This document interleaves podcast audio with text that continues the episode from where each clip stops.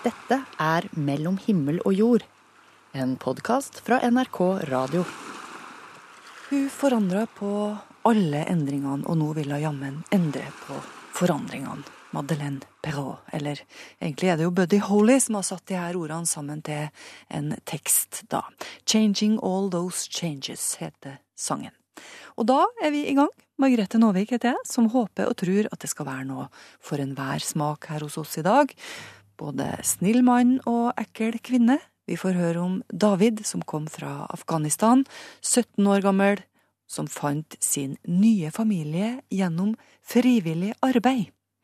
Dessuten så lurer vi på om kirkebryllup oppfordrer til større fester, dyrere gaver og mer prangende kjoler enn klokt er. Mellom anna, men aller først i Mellom himmel og jord i dag. Tida for eh, skolegudstjenester nærmer seg, og i dag sa lederen for biskopene at prester må passe seg for å holde en lett versjon av gudstjenesten når skoleelevene kommer til kirka. Det slår aldri feil. Diskusjonen kommer på senhøsten. Hva skal vi gjøre med skolegudstjenestene? Det er gjerne Kirka, Human-Etisk Forbund og kanskje rektorene som er mest på offensiven. Men hva mener egentlig mannen i gata? Er det greit at skolen tar elevene med i kirka? Ja, hvorfor skal de ikke det? Det syns jeg bare er helt fint, jeg. Ja, jeg vet ikke. Det har ikke vært en vane som de har gjort i mange, mange år, da. Det har det. Ja, Er det pga. eh, innvandring og Det er vel en del eh, humanister òg som syns at det er feil at skolen skal ta med ungene i kirka. Det har med tradisjoner å gjøre, syns jeg. Du syns det er bra? Ja. Hva er det som er bra med det? Eh, verdiene. Som er Ja, ti bud, f.eks. Der har du sansen for. Ja, der har jeg sansen har du for. noe sånn yndlingsbud, eller? Nei, jeg syns alle, alle de budene er bra. Men eh, Da vil ikke jeg si noe mer. Jeg vil ikke si at det er noe tvinga å tro inni det der. Det der er en sånn tradisjon, og jeg har ikke noe vondt av å høre litt på sånt. Nei, det syns jeg bare tull og skulle bråk om det, ja. Men nå er det jo andre som har andre tradisjoner, som, eh, som bor i Norge og har bodd i Norge i generasjoner, faktisk. Burde vi ha tatt med ungene inn i moskeen òg? Ja. De har godt av oss, og vi ser at det fins flere, tror jeg. Så det har de vært supert, det. Tror jeg. Har du barn sjøl? Ja. Ja. Og de, eh, krysser ikke av for at de ikke skal inn i skolegudstjenesten? Nei. Nei. Kjør på. Kjør på. Har bare gått ut av det. Hva tenker du de har igjen for det, da, å gå, å gå dit? Nei, jeg vet ikke. Jeg syns bare at det er bra for alle sammen å vite litt om Jesus og Gud og alle aldrene, skulle jeg å si. Hva det nå må hete. Det er jo sånn. Så de har ikke noe vondt av oss å lære om det, altså. Det tror jeg bare er plusset. Da tror jeg at de har kanskje fått mer forståelse òg. Unnskyld? Kan jeg, mens du stapper pipa di, bare spørre deg om en ting? Jeg kommer fra NRK Radio. Spør du. Hva syns du om at skolen tar med ungene, altså elevene, i skolegudstjeneste før jul? Ja, det er Ja, da var det ikke, vel? Nei, det er jo det at det, det er jo flere som eh, som eh, ja, muslimer og alt mulig annet rart, men eh, jeg tror ikke de tar det så tungt, egentlig. Altså. Så det ble jo sagt at eh, de tok med noe fra Koranen som Hva syns du om det i kirka? Helt ålreit, syns jeg det. Det er greit, det, og du er ganske åpen, du skjønner jeg. Ja, jeg er det. Jeg treffer jo muslimer eh, ganske hyppig, og det er jo kjekke folk. Jo, men det er jo kanskje humanistene som eh, reagerer sterkest på det her at skolen skal holde seg med én religion. Ja, men hvorfor skal de bry seg om det, da? Hva? Det er jo helt idiotisk. Mm. Jeg mener, når du har avskrevet Gud og alt det der, hvorfor skal du blande borti det da? Altså, vi har alle våre barn i skolen, Jo, jo. så eh, tanken er vel at eh, da må det være for alle. Det Jo, som jo. foregår i skoletida.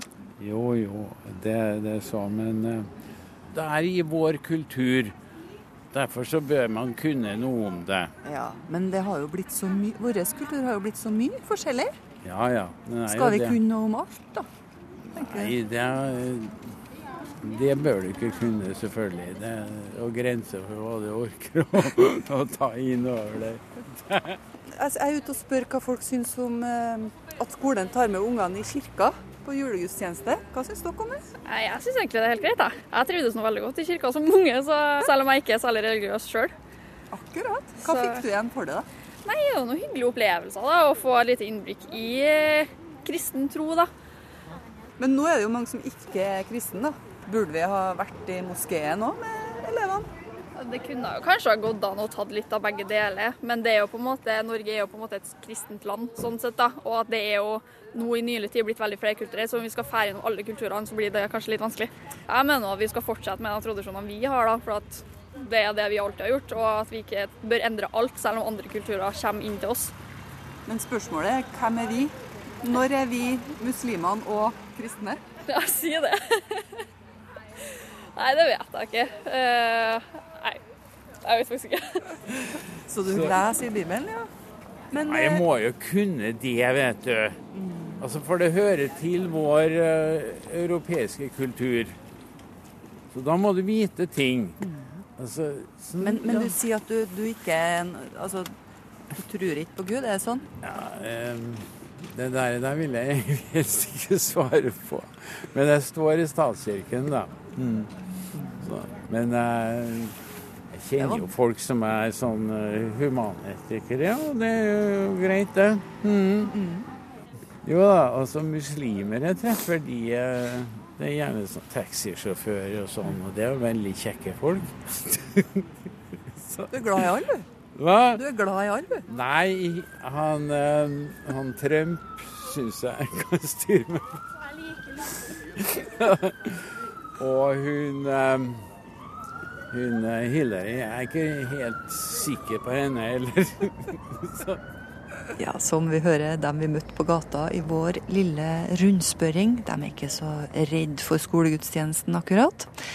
Denne uka her har det vært eh, bispemøte, da, og biskopen over alle biskoper, Helga Haugland Byfuglien, hun sa følgende. Når en rektor eh, gjerne vil at elevene skal komme i kirken til jul, men ber om at det ikke skal bes verken Fader vår eller synges julesanger, så vil nok svaret fra kirkens side si det kan bli en fin avslutning, men den hører ikke til i kirken. Det er ikke gudstjeneste. Men hvor går egentlig grensa mellom gudstjeneste og ikke-gudstjeneste? Og hvorfor er det noe så viktig det her at ungene skal se hva en sånn seremoni er for noen ting? Jeg tok en tur ned på erkebispegården i Nidaros for å snakke med Tor biskop. På bispemøtet denne uka her så snakka de også om skolegudstjenesten, mellom annet. Og lederen i Kristelig Folkeparti han eh, var enig med biskopene. Jeg håper inderlig vi ikke havner opp med en gudstjeneste light. Men hva må egentlig til for at det ikke skal bli en sånn gudstjeneste light som de snakker om? Jeg har en avtale med biskopen. Han Sitter han oppi her? Jeg inviterte meg sjøl ned til biskopen i Nidaros, Tor Singsås, for å snakke litt om det her. Han mener mellom annet at man ikke skal utfordre elevene til tru, som han sier. For eksempel, i ei vanlig gudstjeneste så sier presten La oss be. Kanskje kan en heller si De som vil, kan be nå. Og presten trenger jo ikke å si synsbekjennelsen. Altså det her. Se i nåde til meg, syndige menneske, som har krenket deg med tanker, ord og gjerninger, og kjenner lysten til det onde i mitt hjerte. Hei sann. God dagen. God dag. Velkommen. Takk for det. Ja. Grete. Ja, det er det du, det, ja. Kirka må ordne det sånn at rektor kan stå for at han tar ungene med i kirka. Skolefaglig, sier Tor biskop. For det er viktig at de får se religiøse seremonier. At det ikke bare blir en raritet som de snakker om i klasserommet. Det er som å være med på en fotballkamp på Lerkendal. sant? Det, det er forskjell på å lese om kampen i forhold til å være der sjøl. Men du kan være der på mange forskjellige måter. Mm. Du kan være den eh, mest engasjerte og tilhøre den indre kjerne. Eller du kan være bare en som sitter der og betrakter det hele. Hva, hva er det ungene har igjen for å være der, tenker du?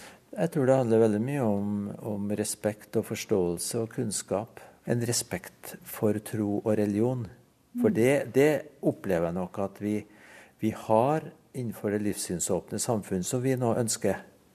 Har vi en utfordring til å gi erfaringer med hvor viktig det er å opparbeide respekt og forståelse, som ikke da eh, fører til at religion blir sett på som en raritet. Eller mm. noe du kan mobbes for. Mm. Eller noe som, som, anses som å være helt sånn rart. Bør vi da være i annet gudshus? Ja, for det er jo det jeg utfordrer skolen til. Å si at dere må da også oppsøke moskeene på samme vis. Og jeg har faktisk også utfordra humanetikerne. For det her er ikke eksklusivt tenkt på at nå skal vi på død og liv bevare skolegudstjenesten. Men det rett og slett handler om å gi eksempler på en meningsfull trospraksis. Mm. Men jeg må jo spørre, når er ikke det gudstjeneste gudstjeneste lenger? Altså Hvis vi forandrer veldig mye, da. Har du noen tanker om noen sånn tydelig grense? ja, nei, det er jo ikke så enkelt, det. Og Martin Luther han kaller jo arbeidet for en gudstjeneste. Det er rett og slett bare et spørsmål om hvor du retter, retter oppmerksomheten mot. Mm. Og han er jo så frimodig å si at når du gjør jobben din, så, så, og, og, er glad i arbeidet ditt, så gjør du det til beste for ditt medmenneske og for det samfunnet du er en del av, som Gud har skapt. Mm. Og det er rett og slett å se seg sjøl inn i den store skapte sammenheng. Som en som har fått livet av Gud, og det livet bruker du til beste for deg sjøl og for dine medmennesker. Men, men, men for litt mer sånn Jeg skjønner jo spørsmålet ditt mer presist i forhold til det en gudstjeneste er i et kirkerom, så kan jo det være veldig mye forskjellig. Sant? Når er det sterkest for deg, da? Den sterkeste gudstjenesten jeg har hvert år, det er faktisk den høsttaket-gudstjenesten vi har med de med redusert funksjonsevne, både fysisk og, og mentalt, i Nidarosdomen, som vi mhm. har hver september. Det er helt fantastisk. Fortell om det. For der er jo gudstjenesten kanskje langt mer kroppslig enn språklig. Der er det klem, og der er det latter, og der er det Der beveger vi oss, og der går vi rundt omkring. Og, og, altså Der er det rett og slett det som en gudstjeneste egentlig er. Det er en lek for Herren. Det er jo det gudstjenesten er. Men altså i det Du snakker jo om at det er litt fysisk og sånn. Er det større gudsnærvær da? Ja, det er rett og slett det vi utfordres til, er vel rett og slett å, bruke, å ta bruk mye med kroppen. Jeg hadde en veldig sterk opplevelse av det etter 22.07. Jeg kjenner jeg blir, jeg blir på gråten når jeg snakker om det. For da var jeg tre døgn uten ord. Ja, jeg hadde ikke ord. Nei. Og det var ganske For en biskop å ikke ha ord i en sånn situasjon. Betyr det at du ikke hadde ord i hverdagen? Ja, eller til de som hadde mista noen. Jeg kom jo tett på dem som kom fra Utøya, mm. og som hadde opplevd det, og de som hadde mista sine kjære. Jeg hadde ingenting å si. Og da lærte jeg øh, hvor viktig kroppen var, for da hadde jeg kroppen min. Da kunne jeg ta omkring folk, kunne klappe dem. Jeg hadde ikke noe annet enn å stryke dem på kinnet og si at det skjønner jeg ingenting av, men nå er vi sammen. Ja. Og det er jo noe av det der som vi erfarer med de gudstjenestene, at vi kroppslig tør å være mye mer åpne. For de er jo så spontane, vet du. Du kan ikke eh, skyve dem unna med intellektet ditt. Du klarer ikke å fange dem med ord. sant? Når de kommer med kroppene sine, så må du bare ta imot dem. Eller det som skjer, er jo heller at de tar imot meg, sant? som er redd for å bruke kroppen min. Sånn at kroppen er jo kraftig underkommunisert i en gudstjenestelig sammenheng. Sant? Det er jo, vi er så plaga til å være intellektuelle. Mm. Alt, alt, med Gud har vi plassert i hodet og i tankene våre. Ja. Kunne du tenkt deg å ha mer kropp inn i skolegudstjenesten? Eller? Ja, og der tror jeg nok det er mye mer kropp. vet du. Ja, du jeg, tror det, jeg tror det er ganske mye kropp der. Mm -hmm. For meg så er det ikke sånn at jeg syns at en gudstjeneste er vellykket når alle sammen er stille. Jeg, jeg, tenker av og til at jeg, jeg var på en eh, visitas i Orkdalen nå i forrige uke, og der møtte jeg noen konfirmanter som absolutt ikke var, var tause. Så tenkte jeg hvor godt det er at dere er et rom hvor dere tør å være fri, og som, som, har rom nok til dere og vise dere at her kan du få lov til å være sånn som du er. Mm. Og det er jo det er noe av det dype, dype engasjement i gudstjenesten, tenker jeg. at Det er et rom hvor det ikke handler om mønstre og sosiale og åndelige mønstre som du er nødt til å holde deg innafor for at du skal bli godtatt. Men her opplever du at her endelig er jeg på det stedet som tar imot meg sånn som jeg er. Men jeg må spørre en gang til, da. Hva er det som må med under gudstjeneste? Evangeliet. Det må med. Det er grunnleggende. Altså det vil si budskapet om Jesus Kristus. Ja. Ellers så er det ganske åpent, da, tenker du? Ja, vi må be. Ja, At vi også henvender oss til Gud. For det er jo det på en måte en gudstjeneste er jo en kommunikasjon med Gud. Altså Han taler til oss gjennom ordet, gjennom evangeliet, og så svarer vi gjennom bønner, og ikke minst salmer. Så historien om Jesus, bønn Og salmer. og. Ja. Det var en fin konklusjon, Margrethe.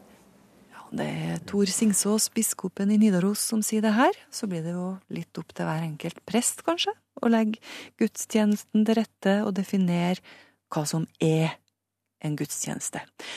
Og så er det opp til hver rektor da å vurdere om forkynnelse pågår, om det er skolefaglig forsvarlig å sende elevene i kirka. Men til syvende og sist så er det altså nå foreldrene som bestemmer om de vil utsette ungene sine for det som skjer i kirkerommet. Pew Research, som er et forskningssenter i Washington, har gjort eh, en undersøkelse om hvordan inntekt henger sammen med tru i USA. De har sett på familiens samla inntekt, og det viser seg at folk som bekjenner seg til jødisk tru, ligger ganske suverent på topp. 44% av jødiske familier har over 100 000 dollar i inntekt. Som nummer to ligger folk som eh, tilhører hinduismen. Og så er det sånn at ateister og agnostikere ligger veldig høyt på inntektstoppen også. Langt ned på lista ligger buddhistene og baptistene.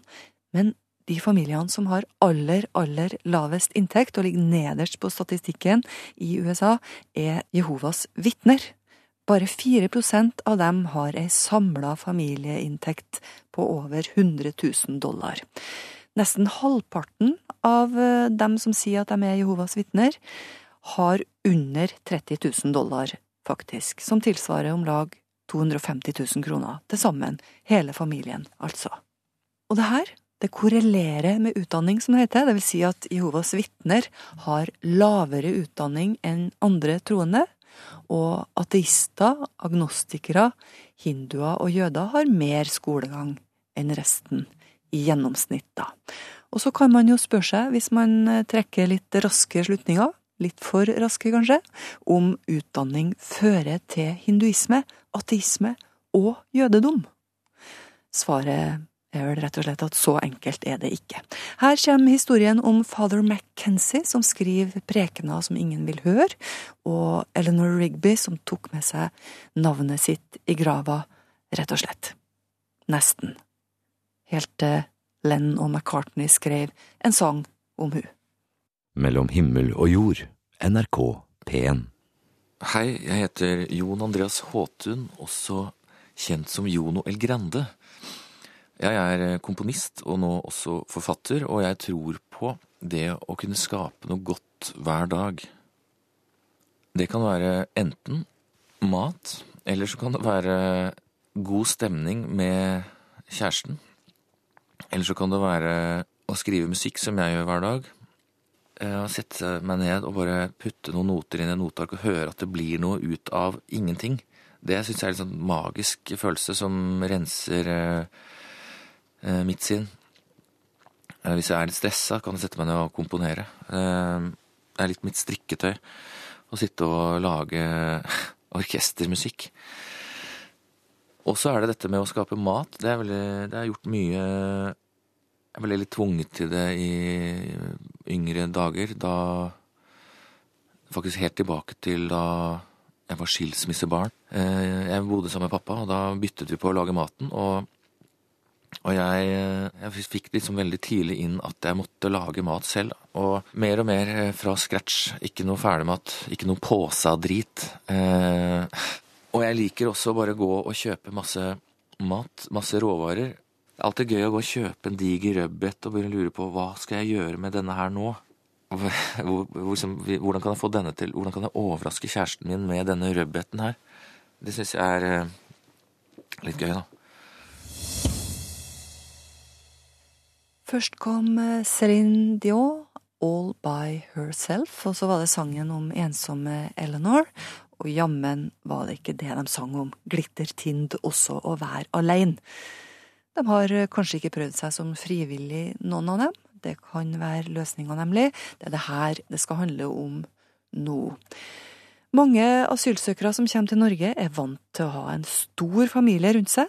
Dermed så kan det bli et digert tomrom for dem som må flykte alene. Javed David Sirak, han er 28 år og kom alene til Norge fra Afghanistan som 17-åring. Nå har han funnet sin nye familie gjennom å jobbe nettopp som frivillig. En Norvegia-ost er godt, syns jeg, da. Javid David Sirak åpner en pakke ferdigskåra hvitost på kjøkkenet inne i Vår Frue kirke i Trondheim sentrum. Han lager smørbrød til dem som har tatt turen innom den åpne kirka for litt mat og en kaffekopp.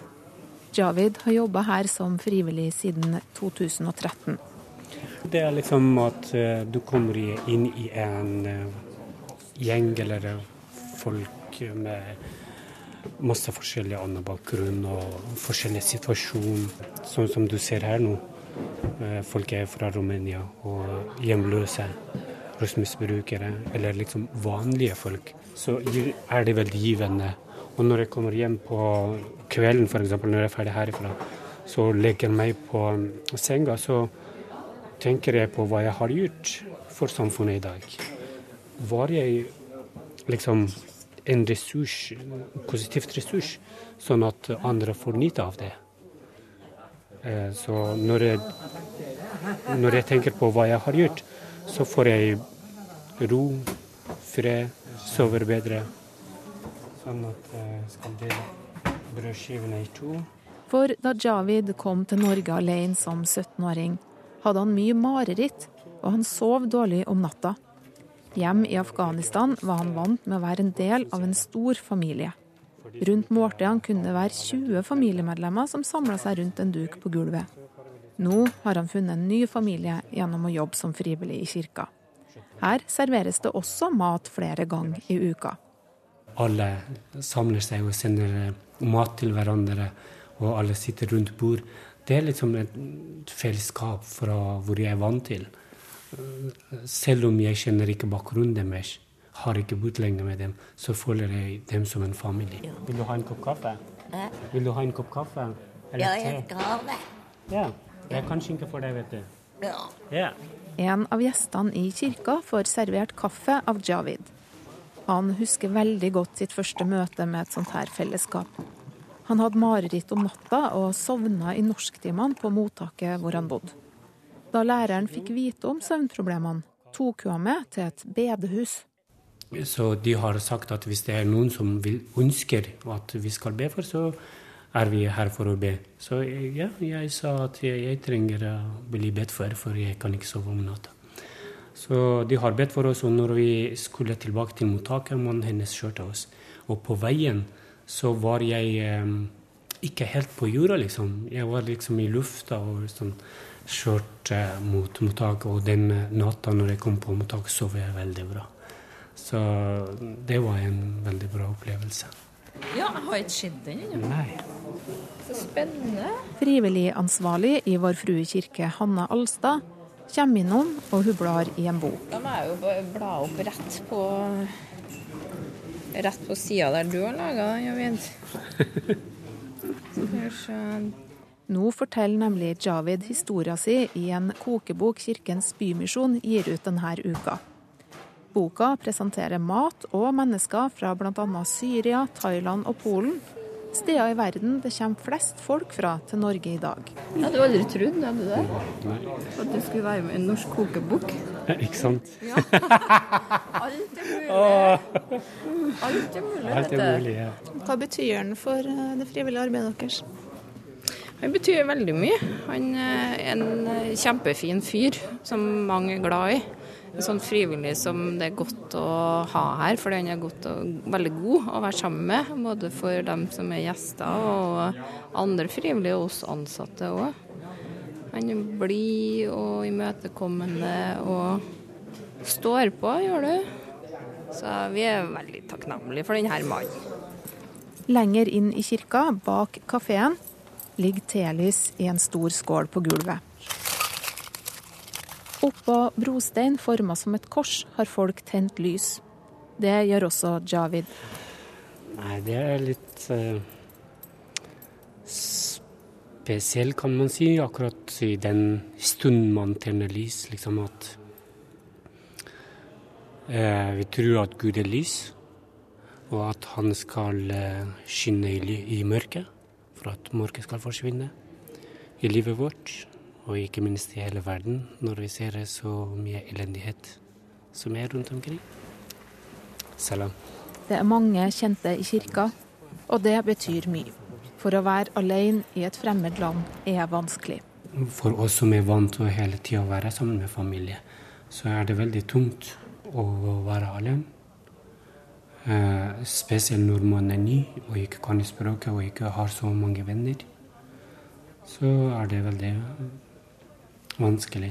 Men uh, akkurat nå så føler jeg meg som en, nordmann. da. I 2013 har jeg vært uh, til utlandet, så når jeg kom tilbake, så følte jeg meg hjem.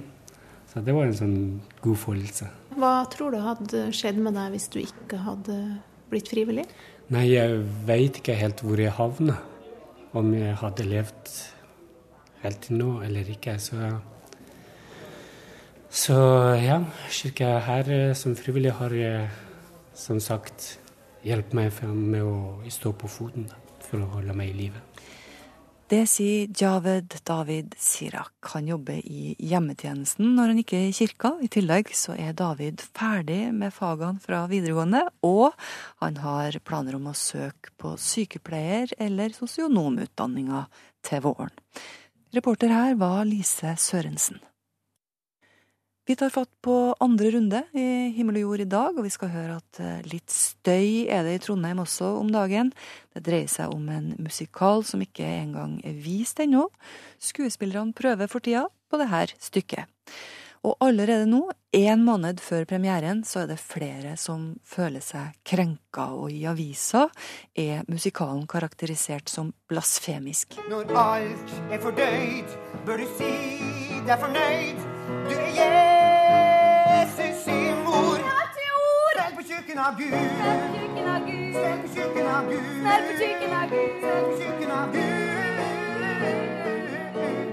skal kjøkkenet av Gud.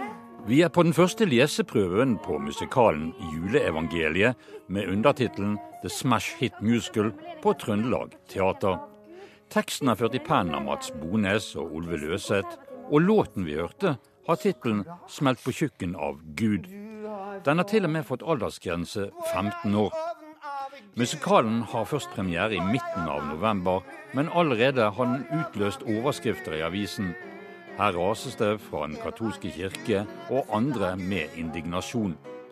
Manusforfatter og instruktør Mats Bones mener det overreageres. Ja, nå er det bare å begynne å glede seg. Ni måneder på vannvogna nå, så får du en sønn som kan gjøre vann til vin!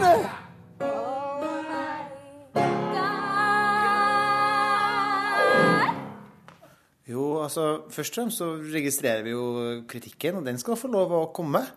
Men eh, vi har drevet og vendt det andre kinnet til så mye nå at det begynner å ligne risting på hodet.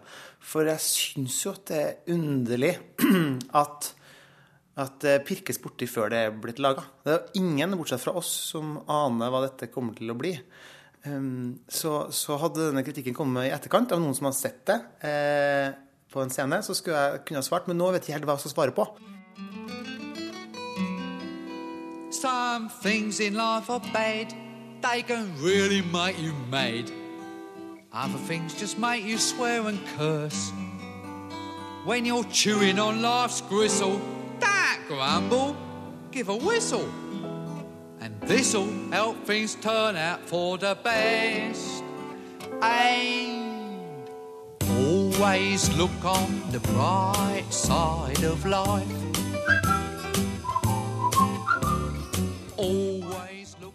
Dette var et lite utdrag fra låten 'Always Look at the Bright Side of Life' fra filmen 'Life of Brian' av og med Monty Python. I 1980 ble den mot store protester forbudt i Norge fordi den av noen ble oppfattet som blasfemisk. Da forbudet ble opphevet, fikk filmen 18-årsgrense. Mats Bones mener kritikken mot juleevangeliet begynner å nærme seg slike proporsjoner som mot Life of Brian tilbake igjen i 1980. Ja, jeg gjør det. Jeg får virkelig dem assosiasjonene på det er så corny at det er så lenge siden sist. Altså det, det, for meg er det gamle dager at man holdt på å surre med dette. Jeg, jeg hadde trodd at, at vi var litt forbi den måten å, å snakke, om, uh, snakke om det hellige om.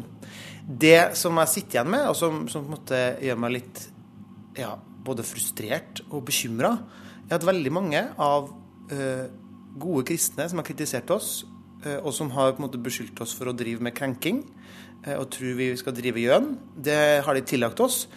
Det registrerer vi at de ikke setter pris på, men i neste åndedrag så peker de på en annen tro, det muslimske og Koranen, og, og ber oss innstendig om å heller tulle med dem. Hva er kristent med det? Det syns jeg er veldig rart. Men, men, er det noen ting som, som, som er hellig for deg? Det er masse hellig for meg.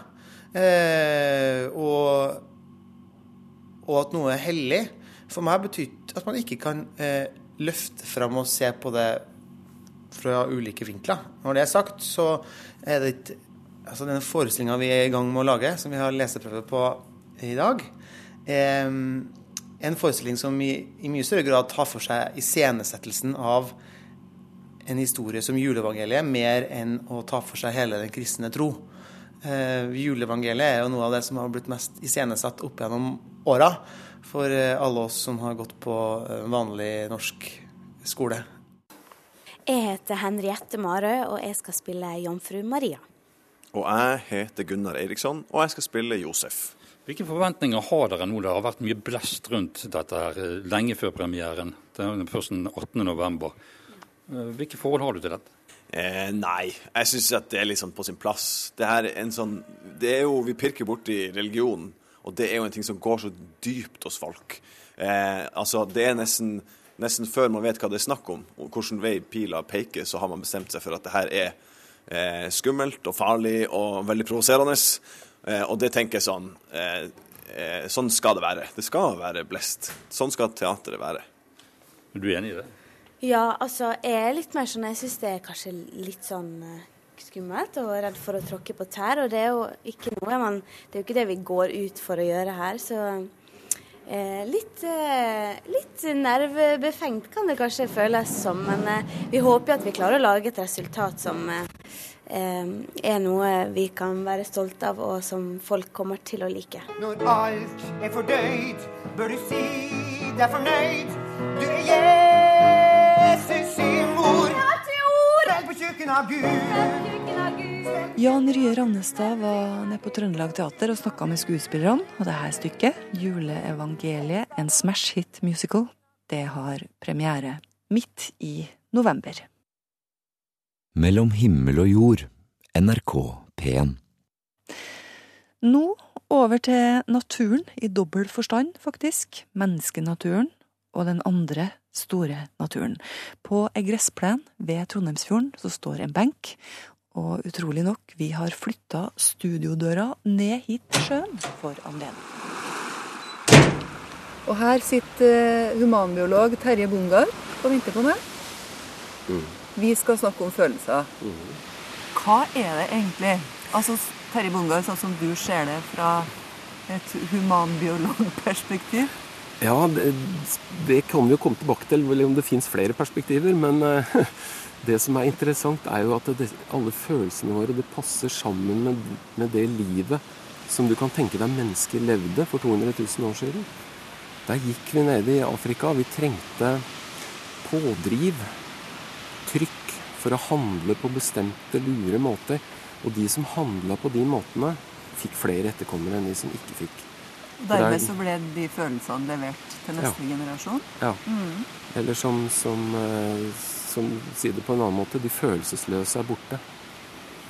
Det, det er en, eh, et, et, fascinerende tankespinn rundt dette her, som, som omfatter stort sett alt det du holder på med.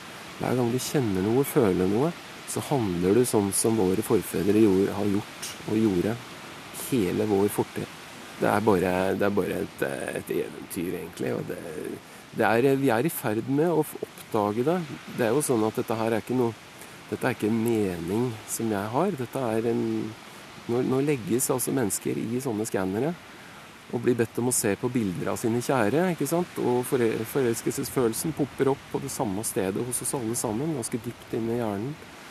Det blir stikket en nål i, og du får en smertefølelse som sitter på det samme sted. Du blir eh, provosert. Så du kjenner igjen det fra hjerne til hjerne? liksom? Ja, er, vi er like, vi mennesker. Ja. Alle mennesker er etterkommere av noen ganske få mennesker. Og når det gjelder akkurat følelse, så er vi like. Men hva kan vi bruke denne kunnskapen til om hvor følelsene sitter?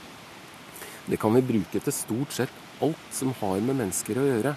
Alt fra å forstå psykiatriske diagnoser til å forstå hvorfor vi ikke slutter å ødelegge naturen rundt oss.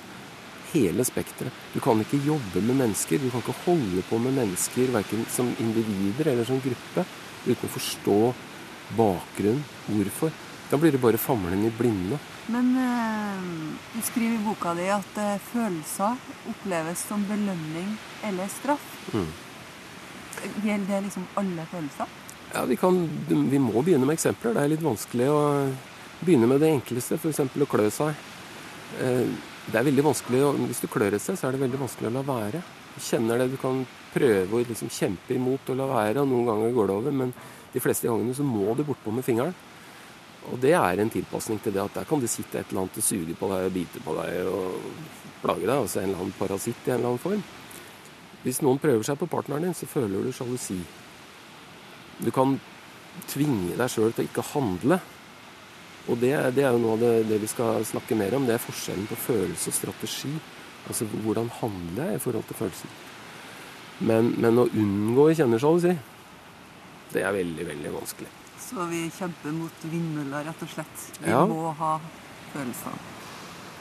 Vi kommer ikke unna følelsene, sier humanbiologen. Og derfor så ønsker vi å snakke litt om dem her i Mellom himmel og jord. Vi starter i dag med den eh, herlige og vonde forelskelsesfølelsen. For hva skjer egentlig når du forelsker deg i noen? Og hvorfor i all verden varer ikke følelsen livet ut? Hadde ikke det gjort alt enklere? Om forelskelse straks. Her kommer Ray Charles. Følelser. Humanbiolog Terje Bongard snakker om forelskelsesfølelsen. Den ligger langt inne i hjernen, i de kaudale kjernene helt innerst. Dette er en gammel, gammel følelse som, som eh, Jeg er ganske sikker på at alle dyr har det, selv om ikke du har bevissthet så kjenner du den tiltrekninga mot partner. Kjemper for å få tak i partneren. Det er en voldsom, strevsom eh, Både belønning og straff i rett blanding. Belønning hvis det går bra og du får eh, respons, og fryktelig straff hvis du blir, eh, hvis du blir eh, oversett og, og det ikke går bra. Så du tenker at den gråspurven som fer rundt her nå, den, har, eh, den kjenner den samme følelsen? Eh, nå er vi inne på dette med bevissthet igjen. Du trenger vel ikke Altså Enhver meitemark finner partneren sin. Men eh, det er nok å dra det litt langt å si at meitemark har eh, bevissthet. Så det er ikke nødvendig med bevissthet. Dyrelivet er fullt av komplisert atferd som ikke er nødvendig for å ha bevissthet. Og det å finne seg en partner og streve for å få tak i partneren, jage bort konkurrenter, Eh, investere, som det heter, i etterkommerne dine med den partneren. Det trenger du ikke bevissthet for, men det er voldsomme medfødte trekk i alle dyrearter. Og vi er, eh, vi er klar over den. Vi veit det. Vi, vi, sitter inni oss sjøl og kjenner og veit at jeg kjenner det. Mm. Men det er umulig å lære en følelse. Det, det er jo da et, et, et, problem å forklare for mange. At det liksom, dette er noe som popper opp i hjernen din ganske tidlig. De fleste har jo en eller annen forelskelsesfølelse lenge før de er i puberteten. Mm.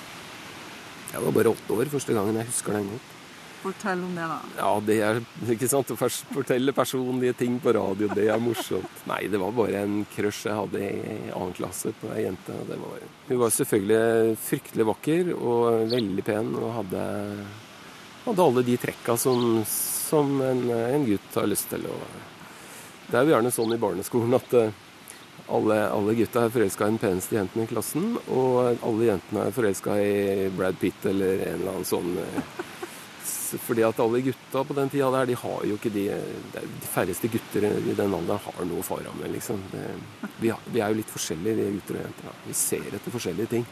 Men jeg husker det veldig godt, og den følelsen dukka jo opp igjen i puberteten gang på gang. ikke sant, Oppover i, i livet. Men du skriver litt om varighet òg, for den det er jo litt sånn stusslig. Den varer jo ikke så veldig lenge ofte. Nei, ikke den voldsomme sukkeraktige følelsen. Den, eh, den eh, kan vare bare noen uker hvis du har en sånn crush og du prøver å unngå det på et vis. Eller den kan vare et år eller to, liksom.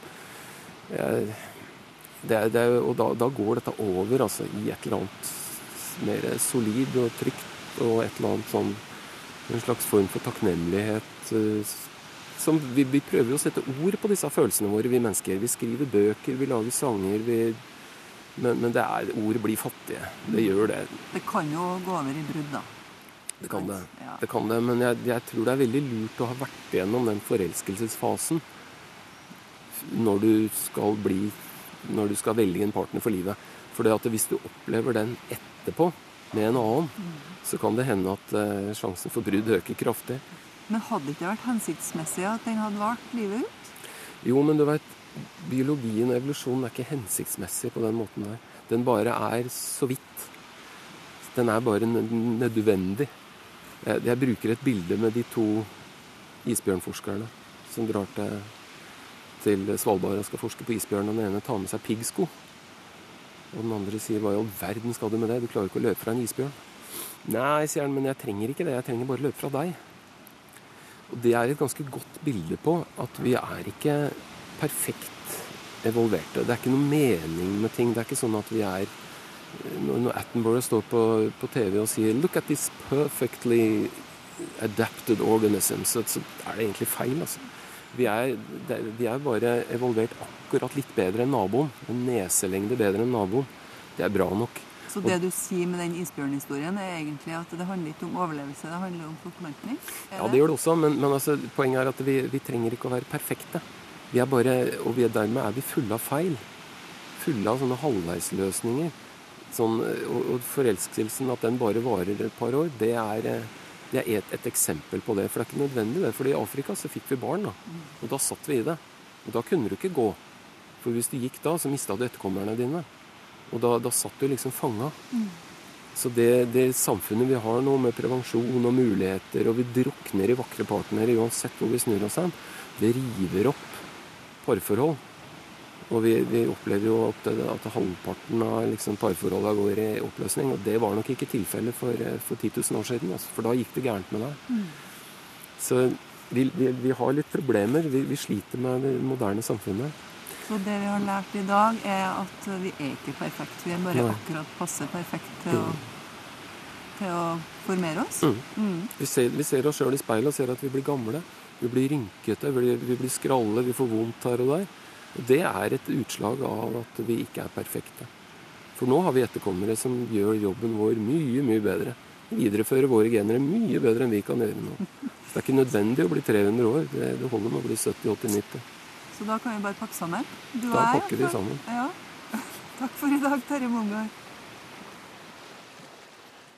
Terje Bungar blir altså å høre fra benken ved sjøkanten i Trondheim noen søndager framover. Han skal forklare hva slags funksjon de forskjellige følelsene våre har hatt, og har, sett i en human biologs perspektiv. Terje har også skrevet bok om det her. Det biologiske mennesket.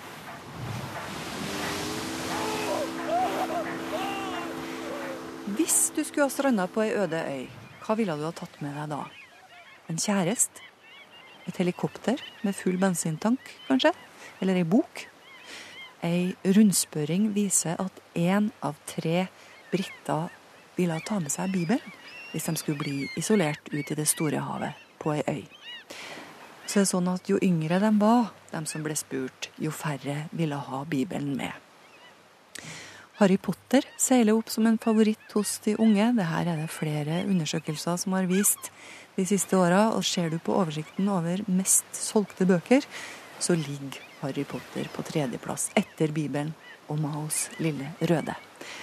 På fjerdeplass ligger Ringenes herre, og på femteplass det her skulle man nesten tro var planlagt, men det er det ikke, altså. På femteplass ligger Paolo Coelos Alkymisten. Åge Aleksandersen, Alkymisten. Er det sånn at folk forventer en større fest og finere kjoler når et bryllup skjer i kirka? Og hva med konfirmasjon? Kirka må bli flinkere til å snakke om at ritualene de står for, fører til pengefester og sosialt press.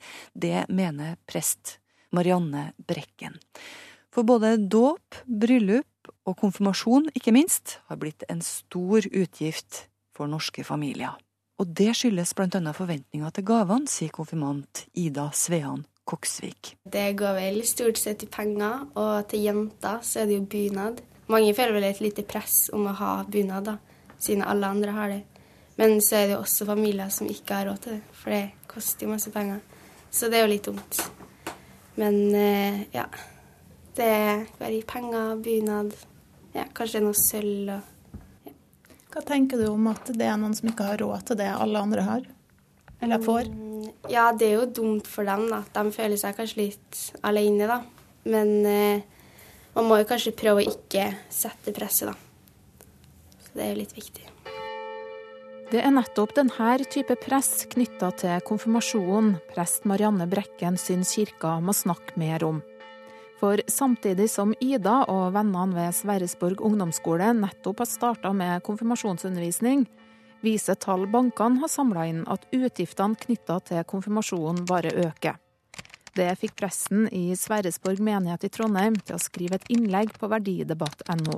Vi vet at det er mange foreldre som kjenner på hvordan skal man klare å få gjennomført konfirmasjonen, og kanskje mange konfirmanter som også kjenner på et krysspress i forventninger til hva festen skal være, eh, men samtidig en dårlig samvittighet over om egentlig de har, eller om foreldre har råd til det, så tenker jeg at vi som kirke også er nødt til å ta dette på alvor og tematisere det. Og det er nok det jeg savner, at vi som kirke er nødt til å begynne å snakke litt tydeligere om dette. Men hva vil du si til dine konfirmanter om det her? Jeg tenker at eh, det handler om en bevissthet på både forbruk eh, og på hvordan vi som fellesskap er mot hverandre. Eh, det handler ikke nødvendigvis om å sette et tak på hvor mye eller hvordan du skal feire, men det å kanskje være med å skape et større aksept for ulike måter å ha feiring på. Ulike måter å uh, ha fått gaver på. Og det tenker jeg at både konfirmanter og konfirmantforeldre må være, være bevisst på. og også får rom for samtalen om. Da. Også konfirmantene sjøl syns pengepresset rundt konfirmasjonen har tatt litt av. For det er ikke bare det som skjer i kirka som er viktig.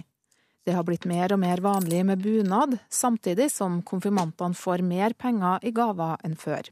Tall fra Nordea viser at de i vår fikk i snitt 40 000 kroner hver, noe som er 7000 mer enn året før det er jo barn som konfirmerer seg, eller ungdommer. Trenger, trenger man virkelig så mye penger? Det blir, hvis det blir litt sånn at alle gir mer og mer penger, så er det en del som ikke, kanskje ikke har råd til det, da. Så det er egentlig voksne som har litt ansvar her? Ja, kanskje litt voksne som har ansvaret, som gir gavene. At også kan, ja, kanskje også kan snakke litt sammen om hvor dyre gavene skal være. Jeg føler jo mer at jeg på en måte får, eller får mye mer enn jeg trenger, da. At jeg får mye mer penger enn det jeg kanskje trenger til bare én dag, da. Det sa Jaran Manum og Hanna Grankvist, som skal konfirmere seg til våren. Men det er ikke bare rundt konfirmasjonen kirka er med på å lage et sosialt press, ifølge prest Marianne Brekken. Hun tror mange også har forventninger om en stor fest i forbindelse med et kirkebryllup og dåp.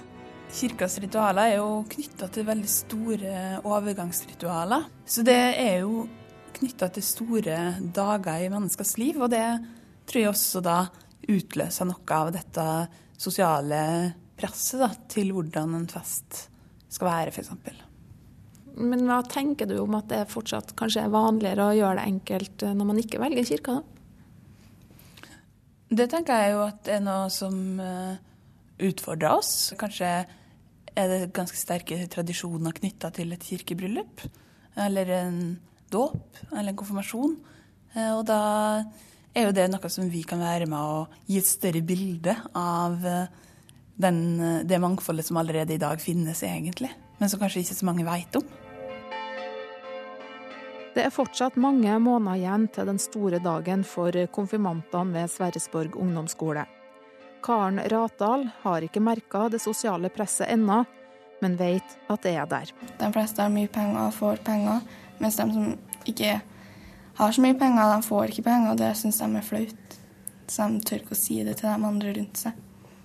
Hvordan tror du det oppleves for dem? Jeg tror ikke de syns det er så morsomt, liksom. De føler sikkert veldig på presset. Så ja, jeg tror ikke de har det så veldig bra i den tida rett før konfirmasjonen, når alle sier 'jeg gleder meg til pengene og gavene' og sånn. Det er, jo, det er jo dumt, da, men eh, sånn er det. Kanskje man bare ikke skal gå rundt og skryte av at man har fått veldig masse fine ting, men at man kanskje hadde en fin dag, eller møtte noen nye folk på den leiren man var på, eller gå og fortelle om at det var gøy å konfirmere seg. Ja, det var Fredrik Connolly som sa det her til slutt, og reporter var Lise Sørensen. Margrethe Nåvik heter jeg, som må minne om at eh, i dag går TV-aksjonen av stabelen. Hvis du er godt bemidla, så finnes det mye morsomt å by på. Skoa til Anne Lindmo, for eksempel. Hvite, høyhæla sko med svarte prikker. Eller boksekappa som Cecilia Brekkhus hadde på seg i sin første proffkamp på norsk jord. Du kan by på en kjøretur med Lillegull fra Burning-filmene, eller en middag med gutta i Radioresepsjonen. Uansett om du har tenkt å gi eller ikke, ta godt imot dem som går årets kanskje viktigste søndagstur med bussene. Og så må du ha en riktig god søndag sjøl også. Hør flere podkaster på nrk.no podkast.